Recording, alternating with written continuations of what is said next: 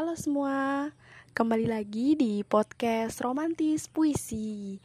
Sebelumnya bagi yang belum kenal, salam kenal dan selamat datang di podcast Romantis Puisi. Jadi ini tentang cinta, tentang puisi, tapi puisinya nggak selalu romantis kok karena membahas luka dan kadang juga bahagia. Oke, kali ini gue akan bacakan puisi yang berjudul Muharram dan Bencana yang ditulis oleh Maria Ulpah.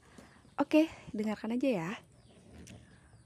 Langit biru kini jadi abu. Kota nan indah diselimuti kabut. Angin berhembus, genangan air kian menembus Muharram bulan yang mulia.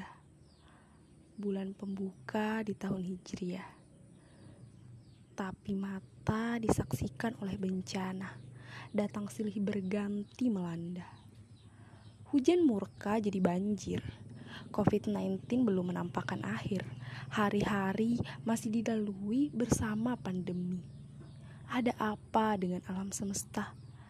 Apa yang salah dari manusia?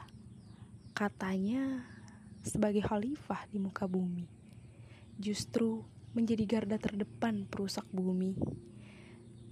Tukang perkosa jagat raya ini. Wajar Tuhan marah-marah. Oke, itu tadi puisi yang udah gue bacain. Kalau kalian ada puisi juga bisa kirim ya. Oke, jangan lupa follow Instagramnya Romantis Puisi. Dah.